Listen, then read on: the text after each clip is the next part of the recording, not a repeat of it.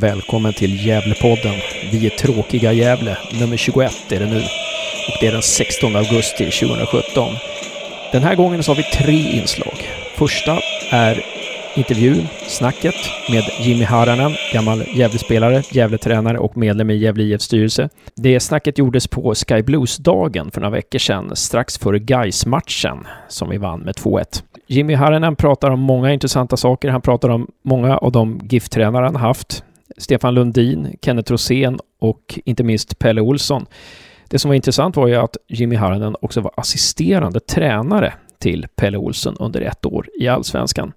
Då tillsammans med Jocke Karlsson, som ni också har hört i Gävlepodden. Eh, så att det är den intervju in, vi inleder med och det är ungefär 38 minuter. Därefter så kommer ett snack med Hanna Sundin, målvakt i Gävle IF, som i eh, norrtvåan på lördag tar emot Sandvikens IF i en ren seriefinal.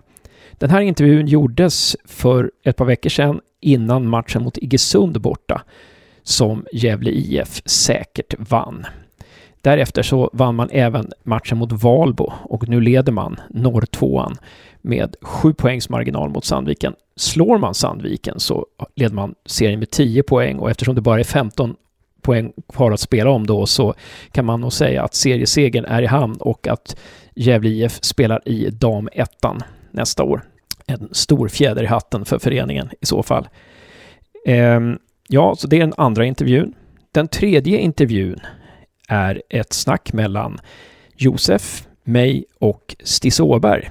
Klassisk krönikör på GD AB Sporten. Vi pratar om Gävle IFs tre senaste matcher. De som har utspelat sig under sex dagar enbart, men som ändå har inbringat fem härliga poäng. Vi pratar om nyförvärven, vi pratar om Pojas betydelse, vi pratar om framtiden och vi pratar också om matchen mellan Gävle IF och Sandvikens IF i damtvåan nu på lördag klockan 13.00. Och vi pratar om matchen mellan Gävle IF och Trelleborg i Superettan på måndag 19.00. Båda matcherna på Gavlevallen. Vi hoppas att det blir mycket folk då och hoppas att vi ses då trevlig lyssning nu och eh, vill ni komma i kontakt med oss så är det förstås bara att mejla oss på Gävlepodden gmail.com. Ni kan också följa oss på Twitter på snabela Gävlepodden. Och kom ihåg att swisha Gävle. Det är fortfarande dubbelt som eh, en sponsor går in med. Sätter du in 100 kronor så sätter sponsorn in 100 kronor och så vidare. Vi vill ju att Gävle IF ska få mer och mer pengar nu och eh, att det går lika bra i kassakistan som det gör i poängkistan. En sak som måste läggas till är ju förstås att träningen idag var intressant att följa. Gutierrez som verkade ha dragit på sig en allvarlig skada i nyckelbenet eller i axeln mot öster. Han var fullt frisk. Det var härligt att konstatera. Vi kan också konstatera att de andra spelarna verkar också fullt friska. Eh, Hjälte tränade för fullt till exempel.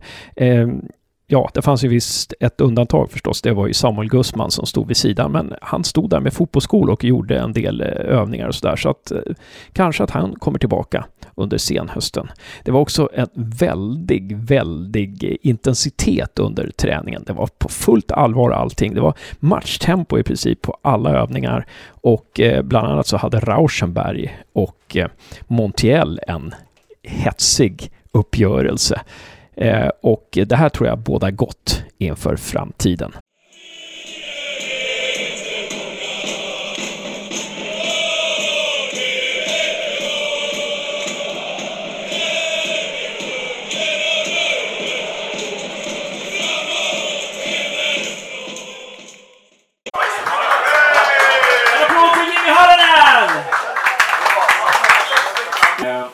Men sen så, resan fram till, sen var ju du med Brage va? Deras allsvenska lag 1993. Mm. När kom du till Brage då? Jo, eh, om jag kör igenom bara ja. en tidsresa. Ja. Så gick jag till Sandvikens IF som, eh, från Högbo till Sandvikens IF som 16-17-åring. Eh, gjorde en säsong i Sandviken då och då på den tiden då var ju serierna uppdelade. Vi spelade division 2 vann division 2 på våren och fick spela något som hette höstettan då på hösten. Och Gävle IF kom, eh, spelade högre upp men fick spela något som hette kvalettan. Så just det året då var Sandviken högre än, och det här var 91. Okay. Och det gjorde jag ett år, men vi åkte ur där så det var division 2 året efter. Men då gick jag till Brage. Så 92, 93 var jag Brage och var med om att gå upp i Allsvenskan och göra en säsong i Allsvenskan, få åka ner lika fort igen. Mm. Och sen gick jag till Gävle IF därifrån. 94, 95 var jag i Gävle IF. Mm. Sen gick jag tillbaka till Sandvikens IF och var där 96, 97, 98. Och sen eh, blev jag spelande tränare i Sjöbo. Eh, 99. Sen har jag varit spel, eller var jag tränare i Brynäs här. Mm. Och så sen var jag med i Gävle IFs styrelse ett år. Eh, och sen... 2004 tror jag. 2004 var jag med i styrelsen och sen 2005 assisterade till jag och Jocke. Det var då vi lärde känna varandra. Jocke Karlsson som var assisterande till Pelle. Mm. Eh, ikonen här igen. Ja, och eh, sen gick så var jag lite, jag ville inte vara assisterande helt enkelt. Nej. Jag kände att det passade inte mig så då eh, blev jag huvudtränare i Sandvikens IF i tre säsonger. Mm. Och sen skulle jag lägga av, men sen har jag jobbat åt förbundet med ungdomar, typ distriktslag och jobbat med lite tränarutbildningar och sådana saker. Ja, just. Gästrikland Ja, just det. Och Jocke Karlsson jobbar ju också där va? Ja, han jobbar ju också, precis, som ja. spelarutvecklare. Just det, just det. Men du, du hade ett inhopp också i Sandviken 2013 när det blev lite kris där och då ryckte du in och räddade laget kvar, eller hur blev det? Nej, Nej okay. jag önskar att jag hade kunnat där. Men det var nära. Ja. Har ni hört den förut? Det var nära. Eh, jo, eh, det var så att de ville göra en förändring när det återstod åtta omgångar, tror jag det var. Åtta eller nio omgångar. Och så Tony Andersson, tror jag han heter, som var tränare då, eh, fick lämna. Och jag eh, tog över då i de månaderna. Eh, men hade ett vanligt jobb vid, vid sidan av då, eh, mitt ordinarie jobb. Och det var väldigt nära, för vi räknade ihop, för jag och Mattias, Mattias Oxlin var min assisterande då eh, som också kom in. Och då räknade vi och lite sådär stryk får man göra. Men hade vi tagit det poängsnitt vi hade på de eh, åtta matcherna när vi var där hade vi slog ut det på hela säsongen hade vi kommit fyra eller femma ja, det året ja. i division Så det var en poäng ifrån från att vi klarade kontraktet. Där, där finns en liten parallell till Gävle, Gävle idag, alla klubbar som är lite kris och där och Gävle förra året kan man också säga. Det här med att när ska man sparka tränaren? Liksom, eller sparka, när ska man byta tränare för att få ett liksom, skifte? Där, sen, där med, med facit i hand så var det ju för sent för Sandviken det året att göra tränarbyte kanske. Ehm, vad, vad, tycker du om eh, tränarbytena i Gävle i, i, förra året och i år? Alltså, vi börjar med Roger där. Alltså, vi hade sju raka förluster och, och tror jag, när Roger fick gå, Thomas fick över. Vad, vad säger du om det? Tidpunkten, alltså, var det rätt att sparka Roger? Var det rätt att Thomas skulle ta över? Har du några synpunkter på det? Det är jättesvårt att säga vad som är rätt och fel. Utan då lär du ju vara med i, i vardagen, tror jag, i föreningen. Eh, överhuvudtaget och säga liksom vad som är rätt och, och inte.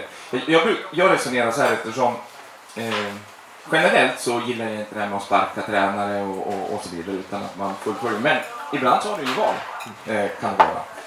Eh, men, men tittar man på Roger-historien eh, så hade ju han, det var ju inte bara den våren. Tittar man så var hela hösten året innan var, var väldigt poängmagert mm. om man kollar statistiskt. Ja. Så att det var under en väldigt lång tid som inte laget levererade poäng. Ja.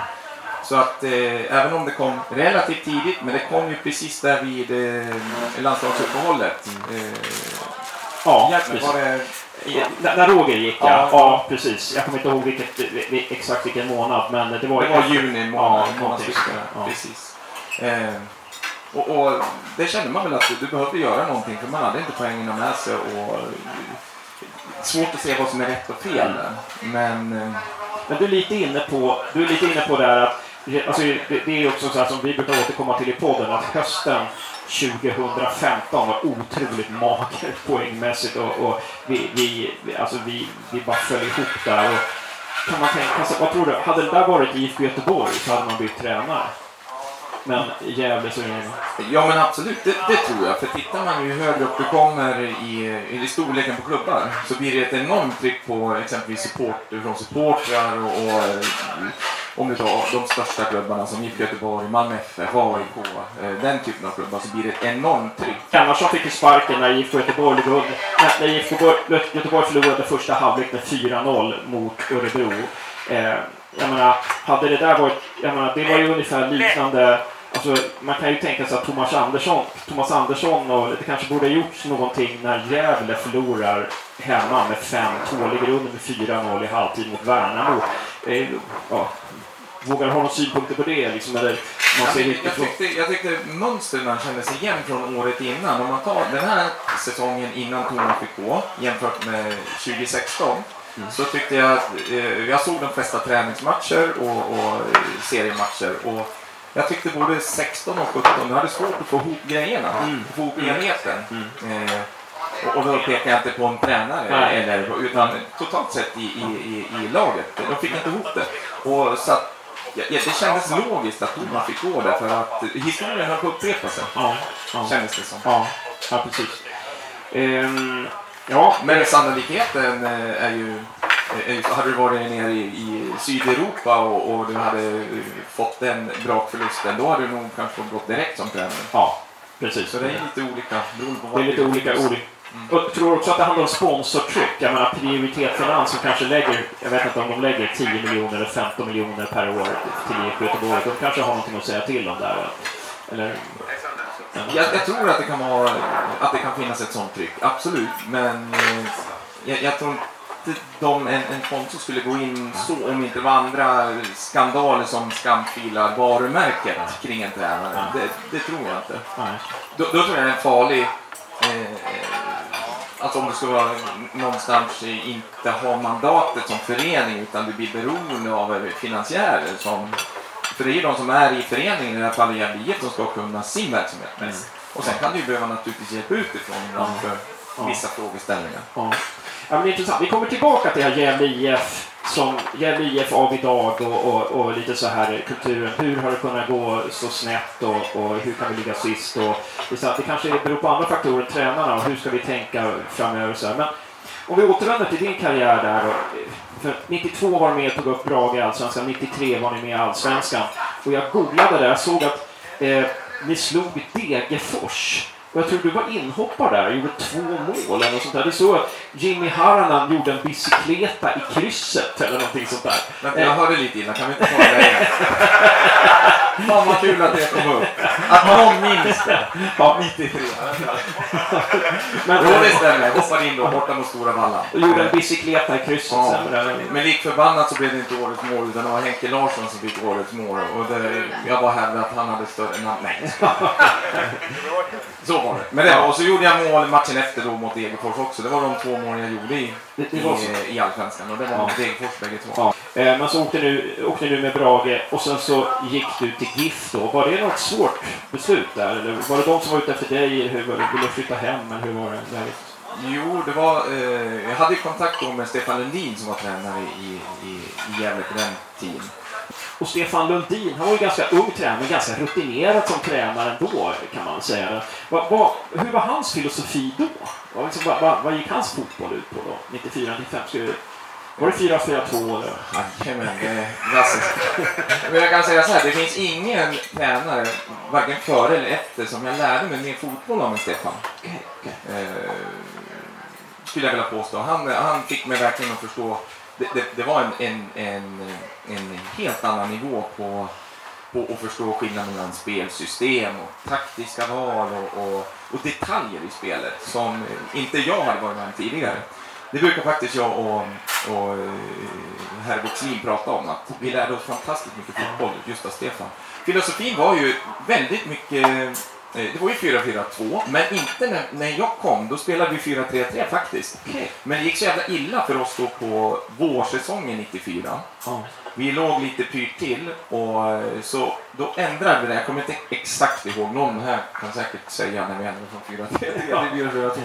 Eh, gjorde vi. Och, och där måste jag också säga att Stefan, eh, Stefans sätt att tackla den situationen, du sa som tränare. Oh eh, lärde jag mig väldigt mycket om hur, av hur han fick oss att tro på det vi gjorde ja. trots att det var skrala resultat.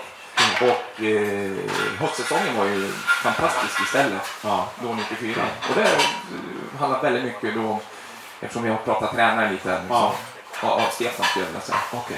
Så Stefan, Stefans sätt att hantera, så det var inte bara liksom taktik och, och, och, teknik utan det var lika mycket hur man hanterar en motgång som människa. Och så. Ja, ledarskapsdelen ja, ja. tyckte jag definitivt mycket grym. Vad, vad var det han gjorde då?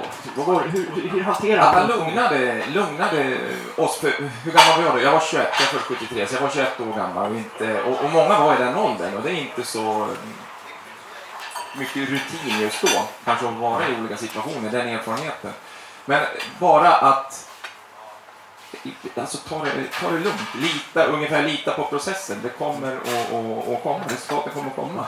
Han hittade ljuspunkterna då och, och fick oss lugna. Ja. Okay. Så inte hålla på att kasta om i laget liksom. Nej, nej, nej. Utan, utan ja, det, det, kommer komma med tiden. Ta det lugnt. Ja. Ja, ja, kasta om i laget. Han ändrade organisationen. Det gjorde vi ju. Ja, det men, ja. det gjorde Så att vissa förändringar. Men, men just den här känslan av att vi, vi trodde på det vi gjorde. Ja.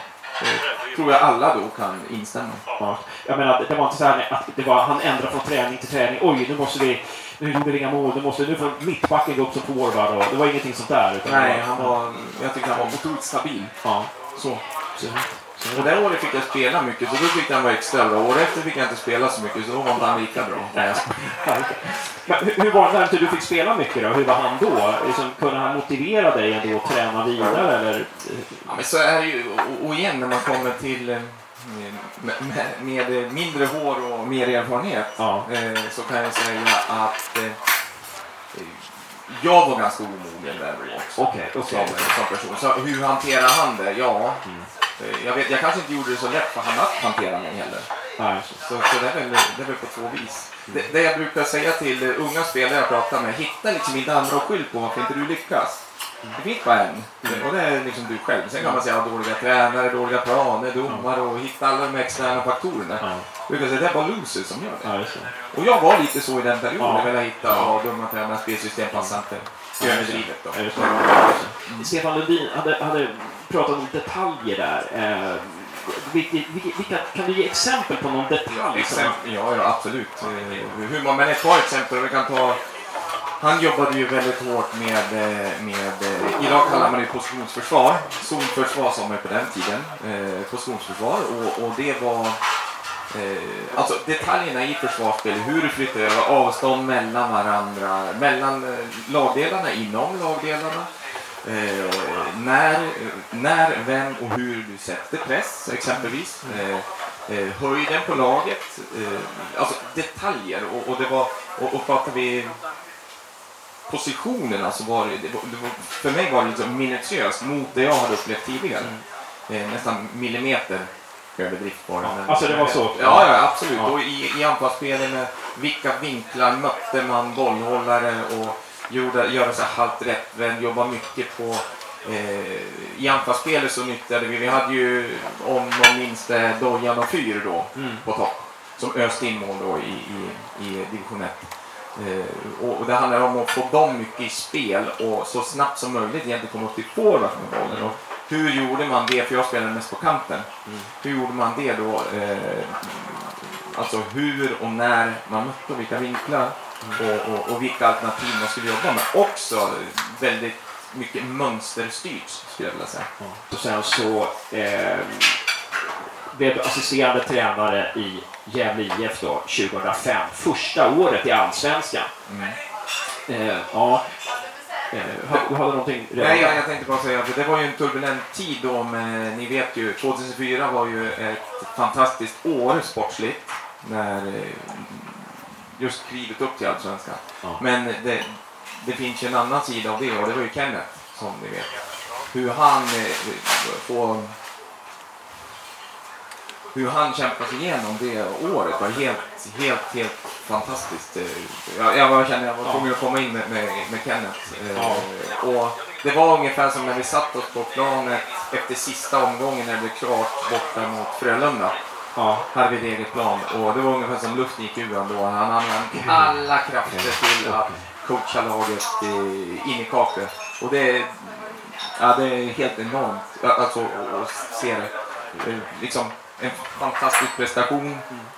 Om man nu kan säga så utan att, jag menar, jag menar med respekt, mycket respekt. Ja. Och, och, och, och det tragiska i det livets ja. gång någonstans. Så. Ja. Mm. Ja.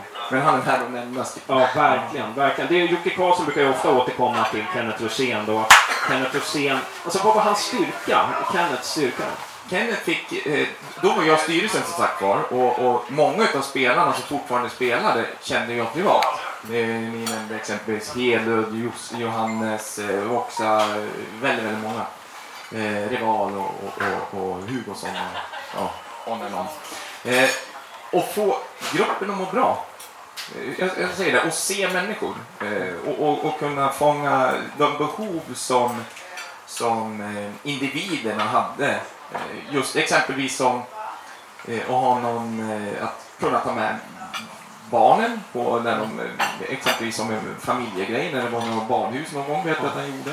Ja. Eh, kunde ge ledigt till någon spelare. Så, Alltså han, han kunde fånga upp det, eh, de här mjuka delarna som är ofantligt viktiga. Fick spelarna må bra. I synnerhet de, de äldre spelarna. Ja, okej. okej. Intressant. Som har oftast en liten annan familjesituation än vad en ung spelare har. Just det, just det. Att, att, eh, det var någon annan spelare som sa det, eh, att när det går trögt så då, då är det svårare nästan för de unga spelarna. För att de har ingen familj att gå till. De har bara varandra. Särskilt om man kommer till ett nytt lag. Jag tänker på Gävle idag. Men alltså de, de äldre spelarna de har sina familjer. De, kan, de kanske kan lägga förluster så här bakom sig eh, lättare. Jag vet inte. Jo, men det tror jag absolut. För eh, vad jag tror är eh, in, en liten fara med, det är unga spelare som lever exempelvis som fotbollsspelare, bara fotboll, och så går det troll i sakerna, det funkar inte, resultaten kommer inte, det kanske bli egna prestationer inte funkar. Och gå och älta det där dag ut och dag in utan att ha någonting annat än bara fotbollen och, och hänga sig fast vid. Eh, jag tror att det är jätteviktigt att ha någonting annat. Eh, plugga vissa kurser eller eh, gå utbildningar på längre tid eller ha någon timme att jobba varje dag. Mm. Eh, jag tror det, ha någonting annat än bara, i det här fallet, fotbollen. Ja, just det. Just det. Men Kenneth, och då satt du i styrelsen va? Det är 2004, så du såg det från Tror du styrelsen fick jobba extra mycket det året genom att Kenneth var dålig och eller sådär? Eller? Nej, jag, jag, jag kan säga så här, jag har det året som min enda erfarenhet av styrelseuppdrag. Ja. Idrott, så att det vore ganska uppkäftigt av mig att säga vad som var mer eller mindre. Men det var jag upplevde det inte som liksom, betungande så, utan det var ju eh, det var ett fantastiskt sug kring fotbollen, trots det tragiska med, med Kenneth där. Mm. Eh, men sen var ju eh, föreningen i stort och styrelsen i, i synnerhet var ju väldigt förberedda på om det skulle eh, gå som det gjorde Ja. med, med, med, med Kenneth. Och, och, du, jag var ganska tidigt klar som en, en ytterligare resurs. Eh, Pelle Olsson kom tillbaka och skulle jobba egentligen som klubbchef. Precis. Var ju då. Eh, så då hade vi liksom en, en, en backup-plan om, om det skulle gå så illa som det verkligen gjorde någonstans. Så eh, huruvida den var genomtänkt eller att eh, det bara blev så, det, det kan vi låta eh, vara så. Ja, precis. Det kommer det någons memoarer framöver. jag. Ehm, men men det, det, alltså, det är intressant att du säger att det var ett otroligt sug kring fotbollen då. Och det är där att, jag tror att det är så att man måste åka ner. Nu har det inte Gävle varit på alls, i Allsvenskan på 20 år. Men tror du så att det, det kan, alltså det, det här att bara klara sig kvar i Allsvenskan hela tiden skapar en slags negativt, det är svårt att bygga något positivt. Tror du att det kan vara bra ibland att åka ner en serie, man behöver inte åka ner så långt som Gävle nu, men, men tror att det är bra att åka ner ibland för att bygga upp en vinnarkultur något sånt där? För det var ju då. Eh, Ja, tror jag. Jag tror Ja. att det kan vara det. För ta Brommapojkarna som exempel. Eh, som åkte ur. Eh, fick spela division 1. De byggde ju om och, och spelade in väldigt mycket unga egna spelare under division 1-året och började få in en, en eh, de, hade ju, de åkte ju två på raken också, de ur Allsvenskan och, och, och Superettan. Eh, nu har jag inte den insynen i Brommapojkarna men tittar man rent sportsligt hur det går nu så känns det som det har varit något positivt. Väldigt flow i föreningen verkar det vara. Eh, så ibland tror jag att man kan behöva ta ett steg bakåt att ta två framåt. Absolut. Sen säger jag inte att det är någon regel, men Ja. definitivt. Ja. Ehm, Nej, precis. Ehm, för det blev ju, det blev ju tag i Allsvenskan blev det som att supporter fick man hela tiden försvara. Gävle spelar så defensivt, Gävle spelar tråkigt, Gävle spelar 4 4 2 långa bollar och, och så. Det blev, det, man hamnade i försvarsställning hela tiden. Nej, men vänta får ni se. Så. Men, men, ehm, men så då, alltså, Pelle Olsson är ju Stefan Lundins lärjunge, eh, kan man säga. Och, och hur, på vilket sätt skilde sig Pelle Olsson från Stefan Lundin då, när du jobbade under Pelle Olsson? Eh, Då var du ja, tio år äldre. Så ja, jag hade ju mer erfarenhet och jag var ju inte spelare Nej. under, under Nej. Pelle då. Men Pelle var ju faktiskt Stefans assisterande när jag var spelare. Just det. För han började ju som tränare väldigt ung, Pelle. Just det. Eh, Nej, men Pelle också känner man igen likheter mellan Stefan och Pelle är också väldigt noggrann med, med detaljer. Eh, definitivt. Sen eh, måste jag säga en, en sak om, om, om en snedvriden bild som många, absolut inte alla, men många har kring, kring, kring Pelle. Det här med eh, långbollar och, och det här. Det är jättesvårt att bli av med den stämpeln, men tittar man exempelvis när han var i Djurgården nu. Mm. Det, jag tittade ganska mycket matcher när Djurgården spelade. Han spelar ju en otroligt, om man nu ska säga attraktiv snabb fotboll, väldigt mycket kortpassningar. Så att, att han skulle stå för det mer än, än, någon annan. Han pratade inte om långa bollar i den, han pratade om rätta bollarna. Mm. Så att, eh, Ja, eh, jag vill bara kommentera det om, om ja. För att det här med långa projekt får jag också höra när man är runt om mellan A Gävle, tråkiga Gävle och hej och hå. Ja. Men börjar du titta statistiskt också så är det då under vissa år, eh, när vi, jag såg lite statistik på det, så Gävle spelade inget längre bollar än något annat lag i Allsvenskan. Men hade ryktat att man gjorde det. Mm. Och sen tycker jag väl det är jättebra, tråkiga Gävle. Ja, vem fan vill inte uppleva som tråkiga motståndaren? Mm. Det ska ju vara svårt att göra mål, ja. eller hur? Det är ju, motståndarna hör man ju ofta, åh, de vann med 5-0, men eh, motståndaren bjöd upp. Ja, men det var idioti sa de. Torskar med 5-0 har du gjort något jävligt fel, skulle man kunna säga. Ja. Ja.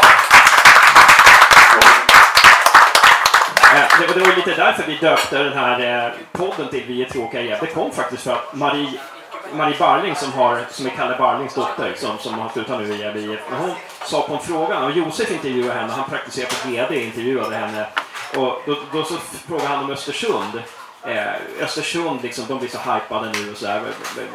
Ska, hur ska Gävle liksom få ett varumärke? Hur ska vi bli som Östersund? Och då sa Marie bara, nej men vi ska bli det som vi är bra på. Vi ska, vi ska vara jobbiga att möta. Liksom. Vi ska, jag, jag kommer inte ihåg vad hon sa, det var, jag, jag har för mig att hon sa vi är tråkiga jävlar. Nej, det, ska vara, det ska vara jävligt jobbigt att komma hit. Liksom. Det, det, det, tyckte jag var, det tyckte jag var skönt. Liksom, att, att ja, kom hit och ha tråkigt, för vi, ja, ungefär, vi ska köra någonting sådär. Um, för just den grejen med tråkiga, det var ju helt underbart när lagen kom hit till Strömvallen. Vi hade ju då, när jag var tränare år innan, och det, och den där betongen och det där dåliga konstgräs. vad fan, vi ledde ju med 1-0 innan varje match ja, började. Ja. Och han, nu tänkte jag säga ett namn på en annan spelare som inte kan försvara sig. En stor svensk spelare som gnällde igen. Henke Larsson. Nej, jag säger inte Anders Svensson. Nej, skulle...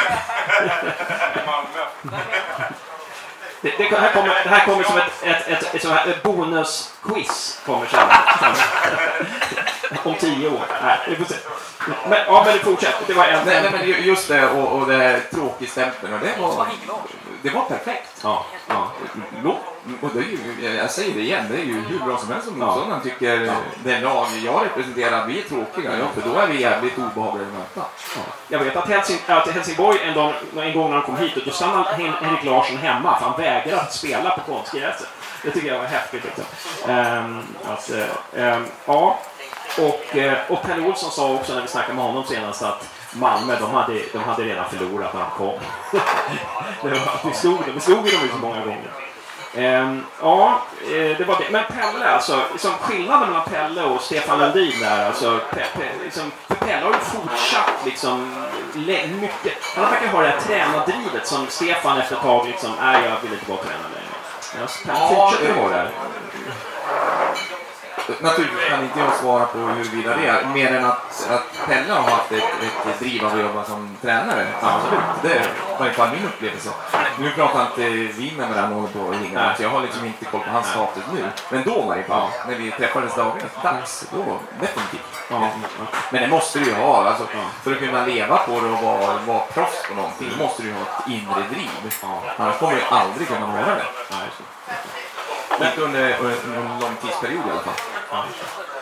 Ehm, nej, men, men spännande. Ehm, jag tänkte vi, vi ska vi se, vi, vi, vi kanske ska komma till dagens Gävle då och din son Adrian och sådär. Men, ehm, så, för, dagens Gävle är ju, ja, det, nu, nu har det ju gått tungt några år och sånt där. Eh, det, det, det, kan du se liksom så här utifrån att och där någonstans gick det fel. Där skulle man ha tänkt annorlunda. Eller eh, att det är en process som har pågått. Eller är, känner, känner du att det är någonting som hänt just i år som har gått fel? Eller någonting så här som du, eh, eller flera faktorer kanske som har, som har samverkat där? Jag är helt övertygad om att det är flera faktorer. För det, det finns några uttryck som går um, ungefär så här att på varje komplicerad fråga så finns det ett enkelt svar och det svaret är alltid fel.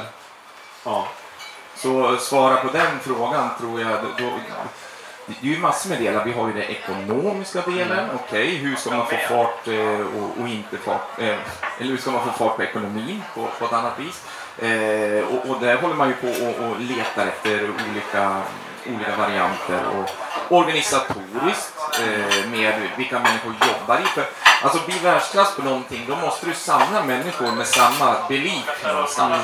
Mm. Mm. Och ska du verkligen nå nya höjder, då måste du ha människor där som delar samma eh, inre kompass någonstans. Ja. Sen behöver du inte tycka lika, ja. utan olika är väldigt, väldigt bra. Mm. Men du måste ha människor där med som eh, delar värderingar. Och just nu har det varit lite i, i dagens IF eh, väldigt många och stora förändringar på väldigt kort tid. Mm. Eh, och då blir det ju någon form av kaotiskt, mm. eh, i varje fall utifrån mm. eh, sett. Men det jag brukar tänka på då är ju att eh, den största utvecklingen är ju nästan jämnt sprungen ur kaos. Mm. Så jag tror att det här kan vara bra. Liksom. Mm. Jag, jag, väljer att se det så. Ja, precis. Eh, och sen har ju Poja kommit in, mm. eh, Poja Asbaghi istället för Thomas Andersson som huvudtränare. Marcus Bengtsson är fortfarande kvar som assisterande. Eh, vad tror du det har gett till, till laget? Oj. Eh... Ser du någon förändring i ja, spelet? Ser, absolut. Ser du någon eller vad, vad, finns det för positiva grejer? Ja, nu kommer vi till filosofi så att säga. För det finns ju inte bara ett sätt att spela fotboll på. Ja. Det vore ju väldigt tråkigt också om det bara fanns ett sätt. Men eh, vad jag tycker är det, det positiva, eh, mycket positivt med det, men det är ju att han kommer in med en helt annan fotbollsfilosofi och då ser jag inte att någonting är bättre eller sämre utan en annan fotbollsfilosofi. Och det tror jag kan vara väldigt, väldigt nyttigt för spelarna eh, övriga tränare i föreningen och få upp en annan bild eh, för föreningen i stort. Eh, och, så att jag ser, och jag ser jättetydliga skillnader och jag tittar på alla, i stort sett alla u matcher också. Och en hel del U19 matcher. Och, och, och, man ser det för spelarna att det, det är ju en verklig ytterlighet ska vi inte säga, men en väldigt, en väldigt annorlunda filosofi som Poja har jämfört med vad spelarna har varit vana med i MBF. Ja, eh, och, och det tycker jag är spännande. Ja. Och så tycker jag han är eh, spännande som, som person. Jag lyssnar på intervjuer och, och, och, och så vidare med honom också. Jag, jag gillar honom. Mm. Den bild jag har fått. Ja, jag har inte suttit och snackat med honom själv. Så inte säga. Men, alltså, du sa att han har fört in någonting som inte är så vanligt i Gävle IF. Vad är det? Kan du ge något exempel? Ja, men det, vi har ju det här eh, exempelvis att han vill ha en väldigt, väldigt hög press mm. i försvarsspelet. Han vill pressa högt upp. Eh, han jobbar med markering mm. på ett annat vis. Han jobbar med, med numerära, att de ska vara en mer kvar hemma än vad motståndaren är. Så stannar motståndaren med två ska de ha tre spelare hemma. Eh, och sen ska du släppa loss mer. Eh, i, alltså i, i, det är ju en jättestor skillnad. I anfallsspel är en stor skillnad med att eh, vill ha ett större bollinnehav. Mm. Eh, så och att och organisatoriskt, han jobbar ju med en trebackslinje. Mm. Och det är också en jättestor skillnad mellan en fyrbackslinje och trebackslinje. Och nu är det här en lek med siffror, men på det sätt som Gävle IF spelar och, och, som jag har sett i, i matchen så är det jättestor skillnad. Ja. Vi kan, vi kan säga, jag tror första gången vi träffades och snackade, då stod vi vid sidan av en fotbollsplan. Eh, Brynäs mötte Sandvikens AIK i DM, tror jag, något sånt där. Och Josef spelade och Eh, Adrian spelade tillsammans i Brynäs 98 och eh, eh, eh, vad heter han? Albin var ju också med där och York var med också. Det var ett jäkla lag de hade där. Ja, bortsett från Josef då. Men, nej, nej, men, men eh, så då snackar vi lite och, och sådär. Och sen så, intressant och, och det här med, med Adrian också. Brynäs slog vi faktiskt ut. Brynäs med, med Adrian och Josef och Albin och några till så, och York slog vi ut Gävle IF faktiskt i semifinal i DM för några år sedan. De spelade DM-final mot Kungsgård. Och då kommer jag ihåg, då stod vi ganska nära varandra och då, då sprang Adrian ut till dig och fick lite instruktioner sådär. Um, och det tyckte jag var så häftigt. Fan, jag önskar att jag kunde lika mycket fotboll. Jag hade kunnat liksom ge Josef instruktioner. Där var det mer utkämpa. Drick mer vatten. Alltså, vad tror du att du, som har varit professionell fotbollsspelare och tränare. Vad tror du att du har kunnat ge Adrian som liksom en, en liksom vanlig eh, lekmannapappa som jag inte har kunnat ge? In, insikten som jag själv, vad som krävs för att bli elitspelare. Eh, det är många som säger att de vill bli elitspelare, ta fotbollen nu exempel. Ja, jag vill bli proffs och jag vill bli, spela allsvenskan eller vad nu det är. Men det är väldigt, väldigt få som är beredda att betala priset som det kostar att nå elitnivå. Eh, för det är uppoffringar.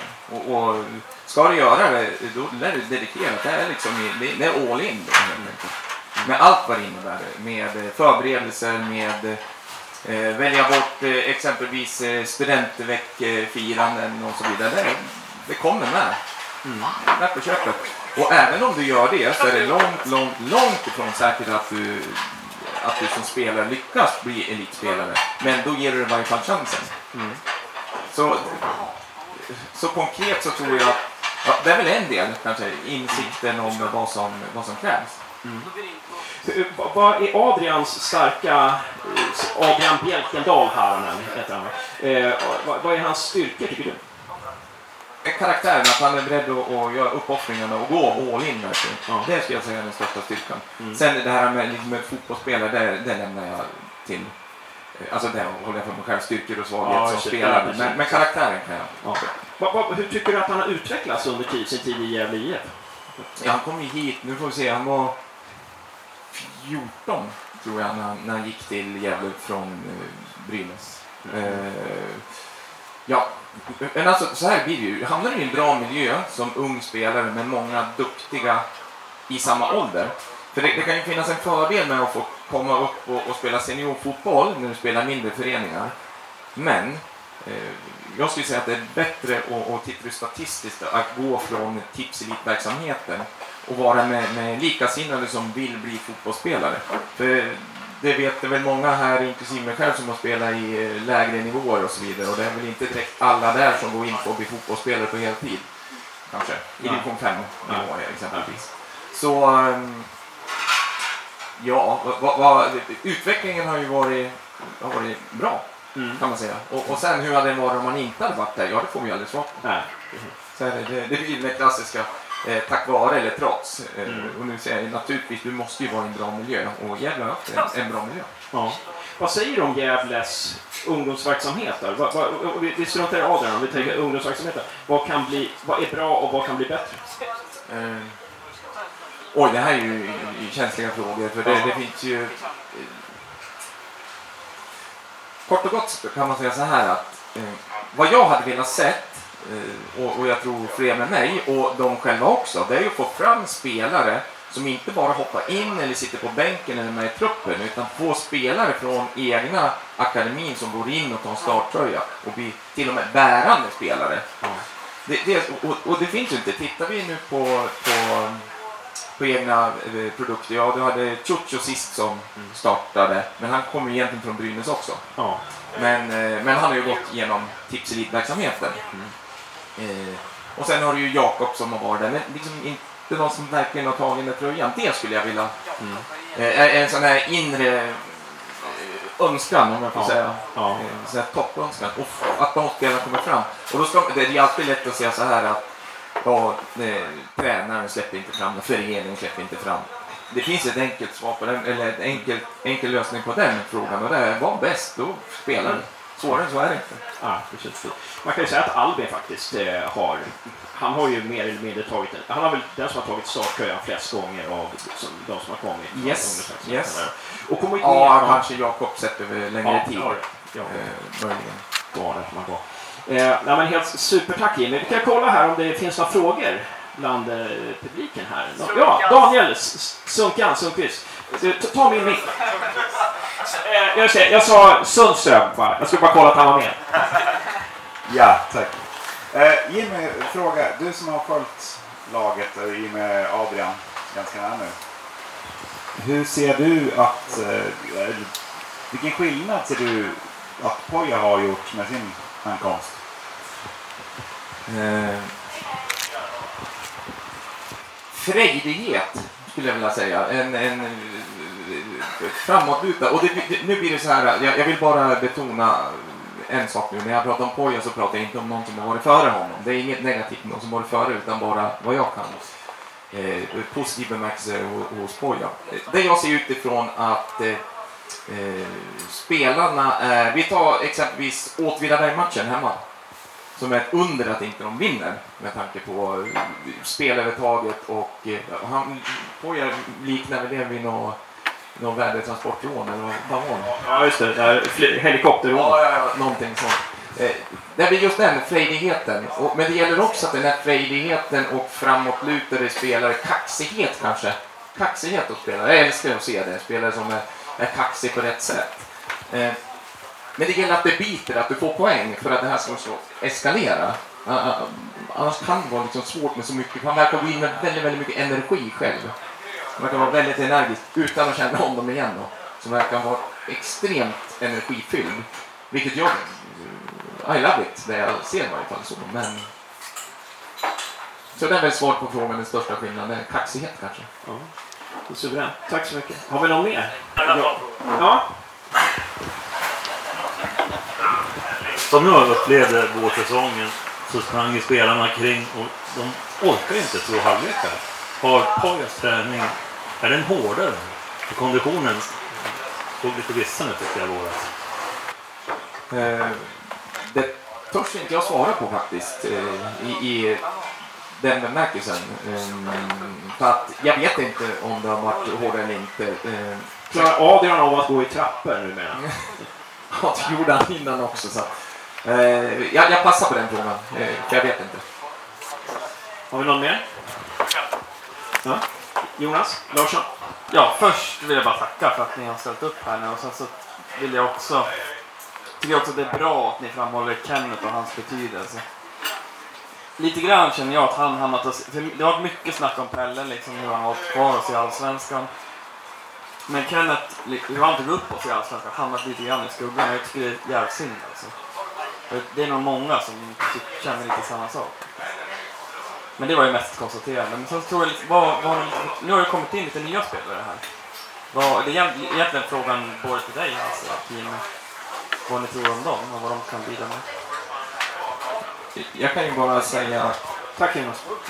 först, eh, jag såg ju några utav eh, spelarna eh, i förra u matchen Den eh, nyinlånet från Sirius har jag fått berättat för mig vad det är för typ av spelare.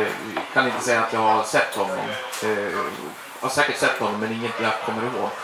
Men, men det som jag tycker Eh, kännetecknar de spelare som han har, som Pojo har tagit hit är bolltrygga spelare. Skulle jag vilja det. En stor applåd till Jimmy Hararen! Tack för att du tog tid!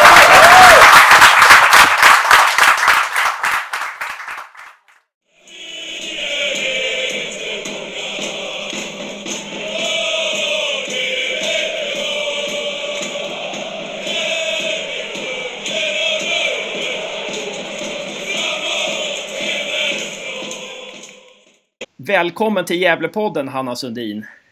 Tack så mycket. Himla kul att prata med dig igen. Du är ju målvakt i Gävle IF och eh, eh, senast vi pratades så har, så har ju ditt Gävle vunnit mot Edsby med 7-0 och Ljusne med 8-1. Eh, och sen har ni vunnit DM-finalen mot Valbo med 4-0. Stort ja. grattis till det! Tack så mycket! Ja, det är jättekul. Kul att det går bra. Mm. Och, och, det verkar som om ni har börjat sätta era chanser också. Ni har gjort jädra massa mål. Som er tränare Thomas Axlund, han var ju på er lite där att ni borde göra fler mål. Ja, precis. Vi har väl eh, uh, utnyttjat det bättre, fått fast lite bollar på forwards. Så uh, ja, hanterar det bättre i uh, ja, men sista zonen. Då. Så, alltså att vi ens kommer dit är ju nyckel till att vi kan göra mål. Just. Och placera dem på mål det är väl bättre än utanför eller över. Så att, precis. Mm. Eh, det är lite som eh, Gävle IF i Superettan har ju också haft lite problem med det där. Många bollar utanför och, och sådär. Eh, ja. Men det låter som ni har fått ordning på det där. Ja, men det, det rullar på. Det är bättre. Och, ja. och så mycket delad speltid för forwards också, så det är kul. Alla får chansen att prova liksom.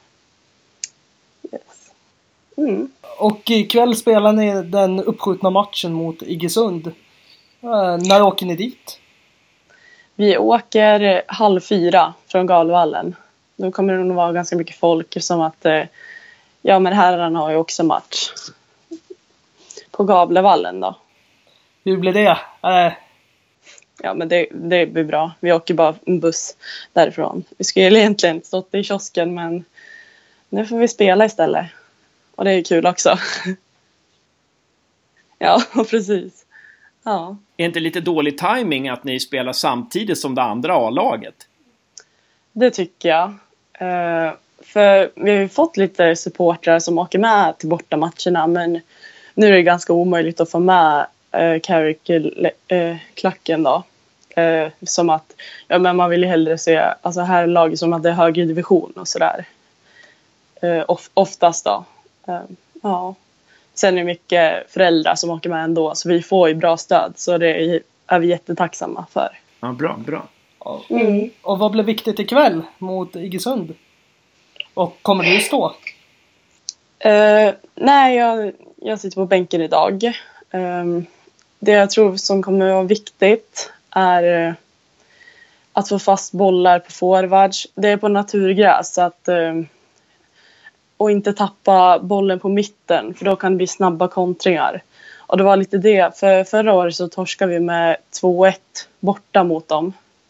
Och Iggesund är ett vasst lag eh, och tar vara på sina chanser. Eh, så, men bara vi håller borta dem från kontring så tror jag ska gå vägen. Men vi får ladda upp ordentligt.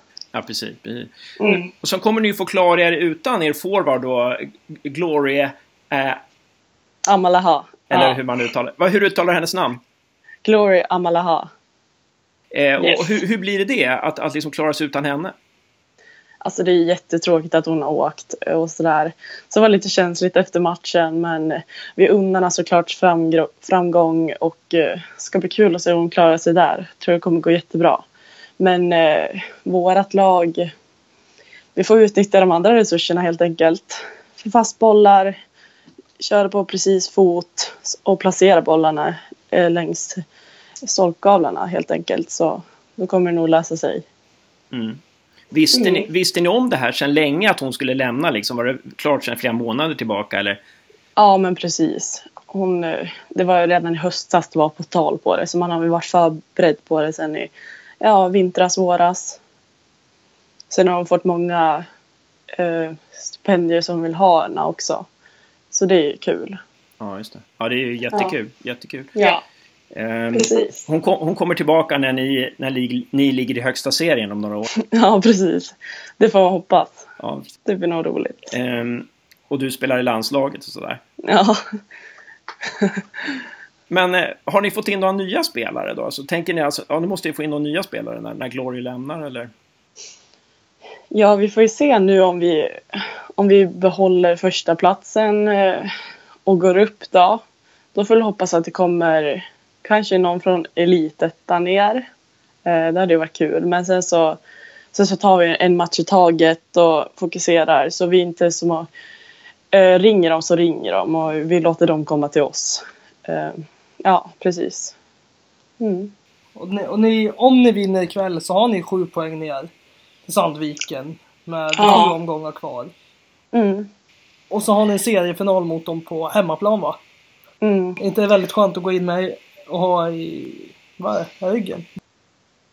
Ja, men det, det är jätteskönt. Men eh, de har ju fått invärvat en eh, väldigt duktig spelare som också kommit från college nu då.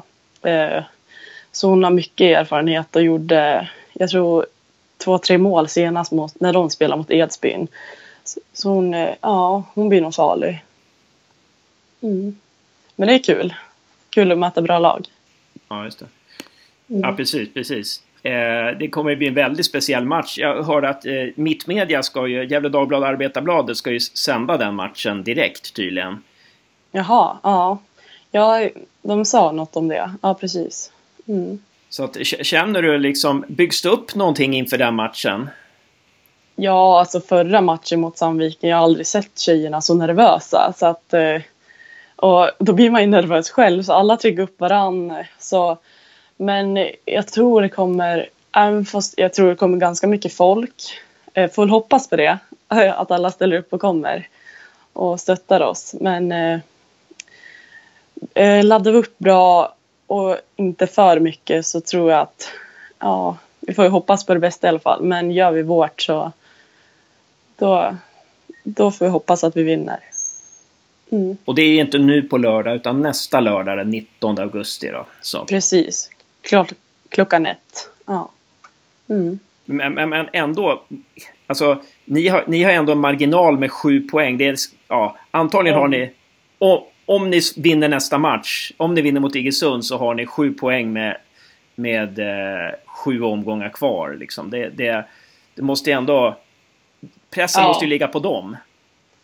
Ja, men så är det. Men eh, samtidigt, sju omgångar är sju omgångar. Mycket kan hända på det. Och vi får ju verkligen inte slappna av, för då kan det gå dåligt. Eh, ja, men, eh, jag tror det är viktigt att fokusera liksom, på nästa match och, eh, och kanske tänka lite på Valbo borta som är på eh, söndag nu. Då. Eh, så man inte tar, kollar på alla matcher, då är det svårt att ta in och man kan inte ladda till alla samtidigt heller. Då blir det lite för mycket i skallen. Mm. Eh, vad säger du om herrarnas situation nu? Liksom, följer du den någonting? Eh, herrarnas A-lag. Eh, och, och, eh, s- vad, vad säger du om deras situation sen, sen Poja kom? Jag tycker det har blivit jättemycket bättre. Ehm, Men eh, deras spelsätt, de börjar spela bollen. eh, Jätteroligt. Eh, Sen är det jättekul att eh, de har fått med sig några poäng nu och en vinst. Och, så jag tror det kommer lösa sig. Och det, och det är vi väldigt glada för också. Man vill inte ha ett lag som åker ner liksom. Nej. Det betyder mycket för hela föreningen liksom, att det går bra för herrarna också. Liksom. Ja, men precis. Och ekonomin och ja, yes. Man märker att det är lite gladare i korridorerna och sådär. Eh, Det känns som de att de har det nu och de vet hur de ska göra för att vinna liksom. Sen om de möter bra lag, då är det ju så, men om man gör sitt bästa så går det oftast vägen. Och det tror jag att de kommer göra nu. Så det är kul. Mm. Ja. Eh, får, får ni i damlaget, får ni någon feedback från herrlaget? Från, nå- från, några spelare där så här? Prat, umgås ni eller pratar ni med varandra? Eller liksom, får ni någon? Nej, vi har inte jättemycket kommunikation, det har vi inte. Men eh, ja, vi kollar ju på deras matcher och inspireras av dem. Så det är kul. Sen så hinner vi inte se så mycket för vi står i kiosken. Men eh, på repris och sådär. Eh, ja. Det hade varit kul om vi hade haft lite kontakt och få lite ja, men, tips och sådär. Men det är inte så jättemycket, det är det inte. Nej. Men Jakob Hjälte och Chucho och Adrian och de här som har liksom spelat i GIF ett tag då. Det, det, här, det är inte så att ni liksom polar med dem någonting eller har någon kontakt med dem? Så här. Ja, några av de spelare har väl ganska, är väl för att det är samma umgängeskretsar liksom. Så. Men eh, inte, inte hela laget, men eh, några. Det har de, absolut. Då snackar man väl inte så mycket fotboll heller när det Nej, jag skulle inte tro det. Men mycket fo- lite fotboll är det. Ja. Ja. Ja, precis. Det, det är mer i så fall om, om, om, ni, om du träffar Jakob Hjelte och Ciuccio och dem, då, då är det mer liksom att det är ungefär samma ålder. Liksom, det är mer så. Ja, precis. Ja, Eh, jajamän. Ja, eh, Poja tippade ju eran DM-final. Ja, Vad var han tippat? han- han tippade 3-0 och ni vann med Mm. 4-0, så det var ganska bra tippat. det var bra tippat. Ja. Vad tippade du herrarnas match ikväll? Och vad tippade er match ikväll? Oj, gud det här. Jag tror på herrarna ikväll. Um, jag skulle säga 2-1 till Gävle. Eh, sen så våran. Men gud, det vill inte jag tippa så. Men eh, jag får väl hoppas att vi vinner i alla fall. Eh, det är onödigt att jinxa, men ja. Nu står ju inte du i mål, så nu lär vi väl inte hålla nollan, men, men eh, eh, vi tippar ändå 10 10 tippar jag. Ja, Jag tippar 4-1 tippar jag. ja. Jag håller Mm. kvar vid 10 Jag tror... Det är så. Ja. Ja, men det är bra. Man ska ställa höga krav. Kanske man kommer någonstans emellan. Så det blir bra. Mm. Ja, men suveränt Hanna. Ehm, stort, stort tack för att du var med i eh, Gävlepodden. Lycka till! Tack så jättemycket. Vi ska allt vi kan för att vinna.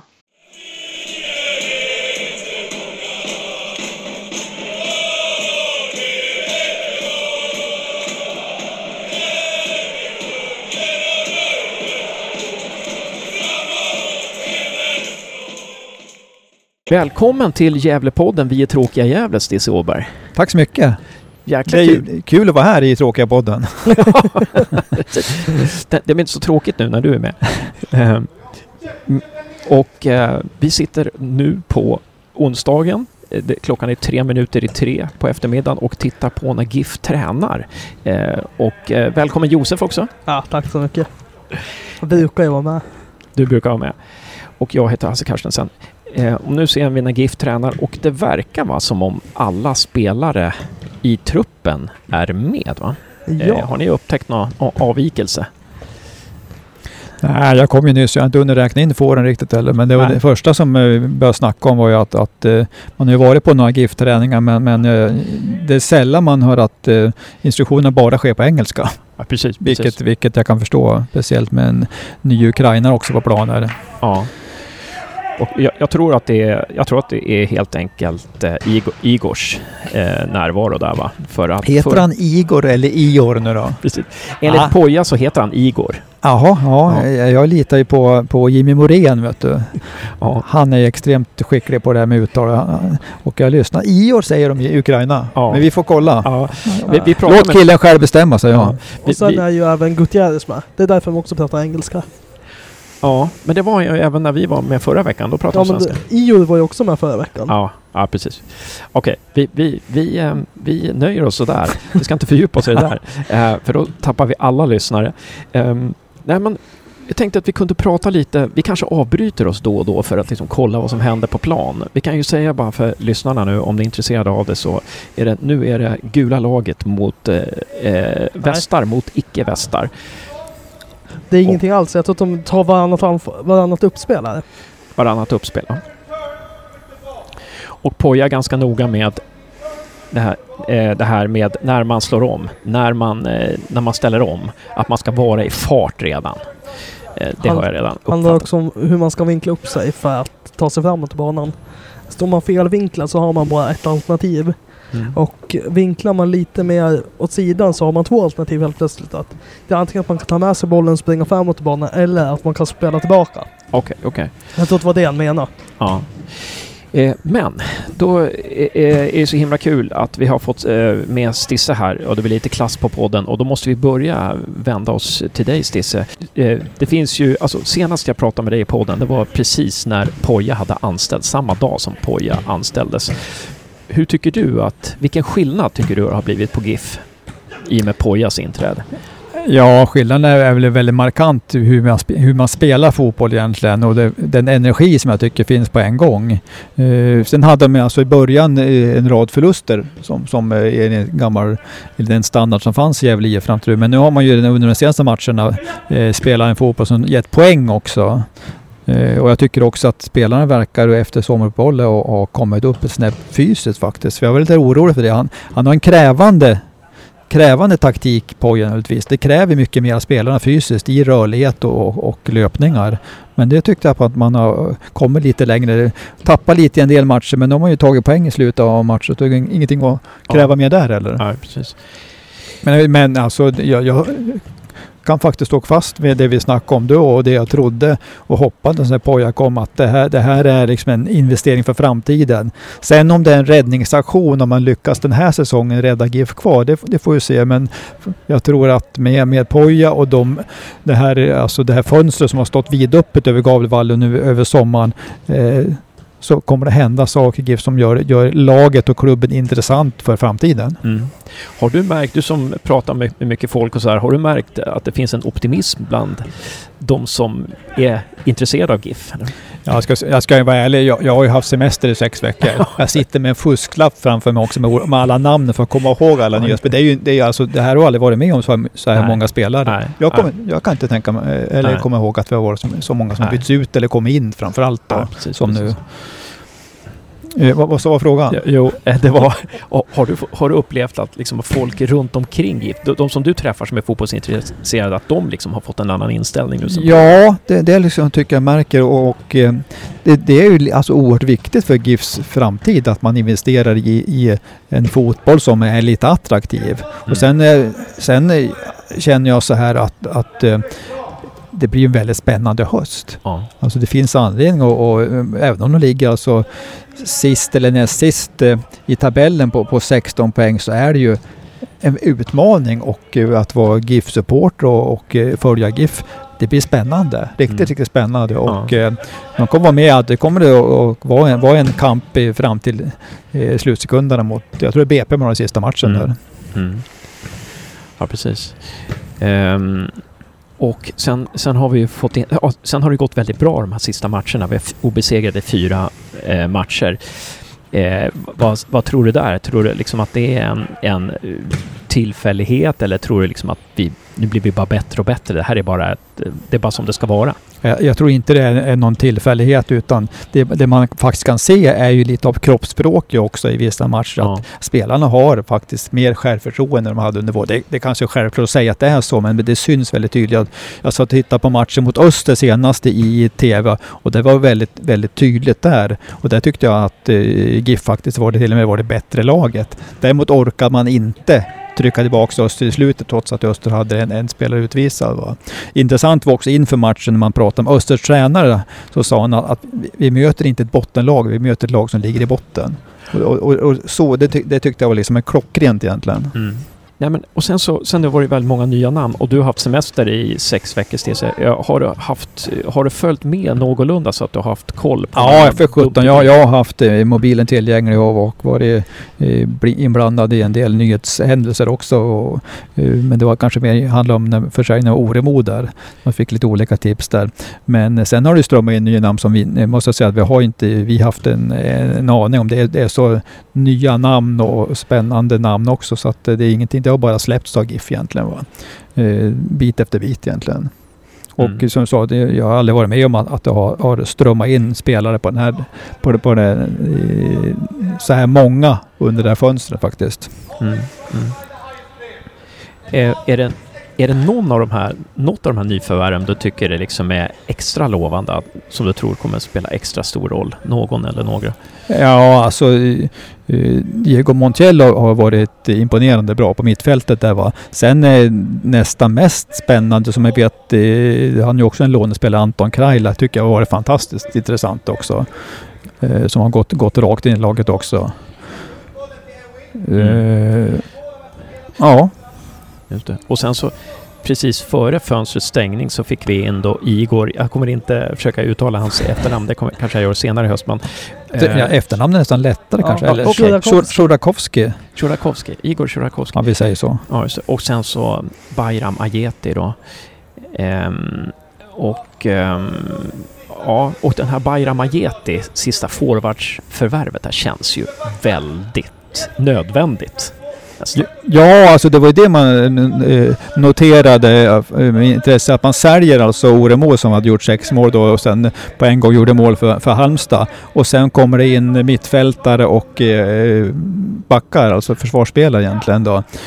Så att det där var väl helt nödvändigt för att hålla den nivån. För man har ju, man har ju faktiskt saknat forwards egentligen va. Hymmet vart ju lite ensam kvar där till slut. Jag såg match och Ljungberg spelar på topp och man, man ser väldigt tydligt att det, det är inte hans position. Nej.